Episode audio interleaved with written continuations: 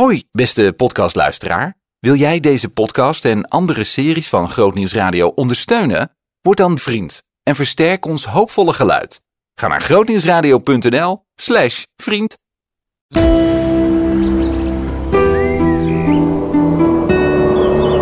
Groot nieuws uit de natuur.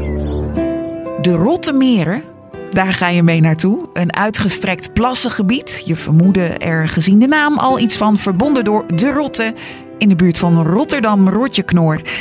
Met boswachter Jonathan ga je iets unieks meemaken. Midden in de Rotte Meren op een plek die normaal gesproken niet toegankelijk is voor publiek, maar nu voor jou wel. Groot nieuws uit de natuur. De aalschover. Groot nieuws uit de natuur. De aalschover. Nee, klopt. We staan nu eh, in natuurreservaat het Kornemolengat. En het Kornemolengat is, als je het mij vraagt, het eh, mooiste stukje van de Rottermeren. Eigenlijk, als je hier nu eh, loopt, eigenlijk, je loopt uit zwaar in een soort van klein paradijs hier. En het toffe is, als je het bedenkt, of eigenlijk eh, tegelijk misschien ook wel bijna het verdrietige, is wat je hier nu ziet. Vroeger was heel de omgeving precies zoals dat we hier nu zijn. We zitten hier nu eigenlijk op een oud stuk veenpakket. Het is eigenlijk het enige stukje van de Rottermeren dat eh, niet is afgegraven. Met de ontginningen, met de turf voor Rotterdam. Nou, we kennen waarschijnlijk allemaal het verhaal van eh, het afgraven van het veen. En het eh, droogmalen van de polders. Zodat de turf ge- gewonnen kon worden. Waardoor de fabrieken en de machines in de grote steden. Als onder andere Rotterdam, wat hier op steenworp afstand ligt. Ja, wa- waardoor die turf daar kon functioneren. Het nadeel is dus dat we eigenlijk het veen kwijt zijn. En die polder hier achter ons, die ligt gewoon 6 meter lager. Omdat het hele veenlaag ervan afgehaald is. En hier is eigenlijk dat oorspronkelijke veenpakket nog. Wat we hier zien als je rondkijkt, eh, we zien hier eh, sowieso een mooi moerasgebied. Met overal wat je, wat je noemt, van- zie je van die grote pollen. Daarachter zie je ze. Eh, hier zie je ze, dat zijn van die zeggenpollen. Dit zijn de pluimzeggers. Dat is echt zo'n typische veensoort. Hier achter ons zie je zo'n mooi open veldje. En dat is eigenlijk, als we daar overheen lopen, eigenlijk een drijvend stukje veld. Wat je daar ziet is eigenlijk eh, één groot pakket met veenmos en ja, allemaal planten. En als je daar overheen loopt, je voelt het, de grond onder je golven. Ja, en dat is echt gewoon een typische beeld van veen. Ja, eh, we lopen nu niet tot dat gedeelte. We blijven nu hier staan. Omdat hier achter ons is nu de Aalscholvenkolonie. Ja, daar zijn er veel van. Want eh, ze zitten daar in de bomen. We zijn trouwens opgemerkt, hè? daar geen, geen illusies over. Ja, zeker. We zijn opgemerkt. En we blijven nu dus gewoon op afstand om eh, nou, niet te zorgen te- voor angst in die kolonie eh, veroorzaken. Want ik denk zelfs dat over een week dat er al de eerste jonge aalscholven hier zullen komen. En dan is het nog maar half maart. En wat je dus merkt is dat die aalscholven zijn altijd heel vroeg. Ik heb ze in januari al op de eieren gezien hier. Nou, die aalscholven die broeden ongeveer een maand. Dus ik denk dat eh, deze week de eerste jongen die komen, eh, die komen tevoorschijn. De boom daar zit vol met nesten en vol met aalschovers. Terwijl eh, hier is dat ook van die vos. Dit ziet er meer uit als een marterachtige. Dus ik denk dat dit een bunzing is geweest, die schijt die we hier zien. Hey, en in hoeverre hebben de vogels daar last van? Eh, voor die be- martens en die, eh, die vossen hebben ze geen last. Ik bedoel, ze broeden niet voor niets in bomen. Het zijn ook koloniebroeders, wat je ze ziet. Ze broeden met z'n allen bij elkaar.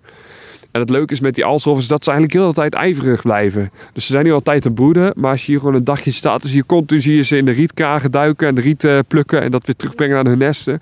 Dus ze blijven bouwen aan dat nest. De aalscholf is sowieso eigenlijk altijd een hele bijzondere vogel. We net ook zagen op het water, daar zag je van die aalscholven. Ze zitten met de vleugels wijd. Dat is eigenlijk het classic beeld van een aalscholf dat heel veel mensen hebben. En het grappige is dus eigenlijk dat die aalscholvers dat doen omdat ze eigenlijk... eh, mensen die evolutie geloven, die zeggen dat een aalscholf evolutionair zelfs achterloopt. En dat komt dus eh, omdat die aalscholvers, die hebben geen waterdicht verenkleed. Als je bijvoorbeeld een fuut begint te duiken of een eend, zodra die weer boven komt, die hebben een vetlaagje in hun veren, waardoor het water en al die druppels er vanaf glijden. Maar die aalscholvers hebben dat niet. Die worden zeiknat. En daarnaast hebben ze nog een ander iets. Dus dat ze geen eh, holle botten hebben. Zoals die alle, heel veel vliegende vogels wel hebben. Met die holle botten zorgen dat je lichter hoort. Dus die aalscholvers zijn en zeiknat en ah, loodzwaar. Dus nou ja, daarom is dus een aalscholf, als- die klaar is met vissen... gaat hij op een lantaarnpaal, op een slootkant of waar dan ook zitten. Even, even opdrogen. Ja, dan even een beetje weer opwarmen en even opdrogen. En mensen zeggen dat ze evolutionair achterlopen, maar eigenlijk is het helemaal niet waar. Die aalscholven die is eigenlijk heel handig. Maar doordat die beesten zo loodzwaar zijn, kunnen ze veel dieper duiken dan dat de fut dat kan en veel andere watervogels. En kunnen zij bij vissen waar de rest van de watervogels niet bij kunnen. Dus eigenlijk is het stiekem ook best wel handig voor die aalscholven. Dan werkt het juist in zijn voordeel. En is die zo geschapen, zou je kunnen zeggen? Ja, hij is zo geschapen. En uh, Aalscholver een hele negatieve naam. Helemaal vanuit de visserijwereld. Die zeggen dat de Aalscholvers alles leegvreten. En dat de Aalscholver alle goede vis eruit haalt. Terwijl het eigenlijk best wel onzin is. De Aalscholvers die eten heel veel uh, brasems en dat soort vissen.